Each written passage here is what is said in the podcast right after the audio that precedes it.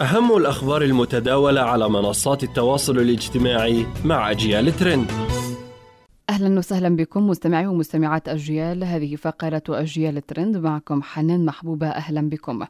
جريمة جديدة ضد طالبة جامعية في مصر تهز البلاد بعد أسابيع قليلة من سلسلة جرائم مشابهة ضد شابات عربيات قتلن بشكل انتقامي على يد شركاء سابقين أو لرفضهم الارتباط بالقتلة.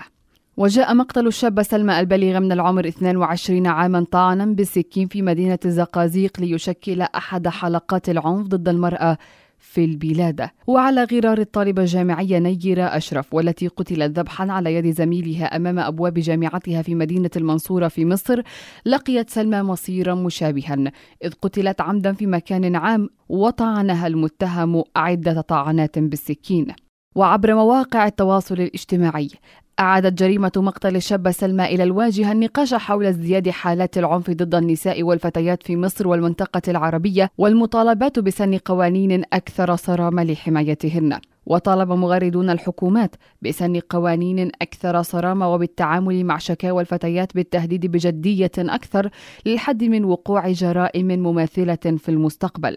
ورفض آخرون الإشارة لتلك الحوادث على أنها فردية نتيجة تكرارها الواضح والذي من الواجب معالجته والتعامل معه وإلى شأن تطبيقات مواقع التواصل الاجتماعي أطلق تطبيق سناب شات ميزة جديدة تمكن الآباء من الرقابة على المحتوى الذي يصل إلى أبنائهم المراهقين. وحملت الميزة الجديده اسم مركز العائلة لكنها لا تسمح لهم بالاطلاع على محتوى تلك المحادثات وذلك لإعطاء الآباء رؤى أفضل للمساعدة في حماية أولادهم بطرق لا تتنازل عن خصوصية المراهق ويتم تفعيل الميزة الجديدة بمجرد دعوة الآباء لأبنائهم إلى مركز العائلة الجديد داخل التطبيق.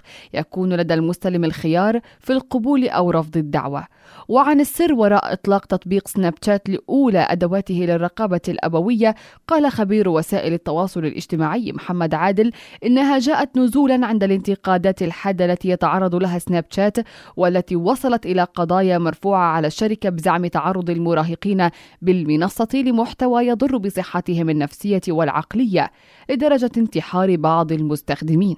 ومن الجدير بالذكر أن الكونغرس الأمريكي بدأ نهاية العام الماضي سلسلة تحقيقات مع يوتيوب وتيك توك وسناب شات بشأن سياسة حماية الأطفال حيث واجههم قضايا تثبت تعرض الفاعلين منهم على تلك المنصات للتنمر. وكان لتلك التحقيقات أثرا مباشرا على شركة سناب شات كلفها خسارة قدرها 422 مليون دولار في تقرير أرباحها للربع الثاني ما دفع سعر سهمها إلى الانخفاض بنسبة 39 0.2% عند الإغلاق. أعلن واتساب أنه سيقدم لمستخدميه انطلاقا من هذا الشهر ثلاث ميزات جديدة مرتبطة بالخصوصية وذلك بهدف منحهم قدرة أكبر على التحكم بخصوصيتهم داخل التطبيق الشهير للتراسل الفوري. وسيتيح واتساب لمستخدميه إمكانية مغادرة المجموعات دون إعلام بقية الأعضاء حيث سيتم إخبار مشرفي المجموعة فقط.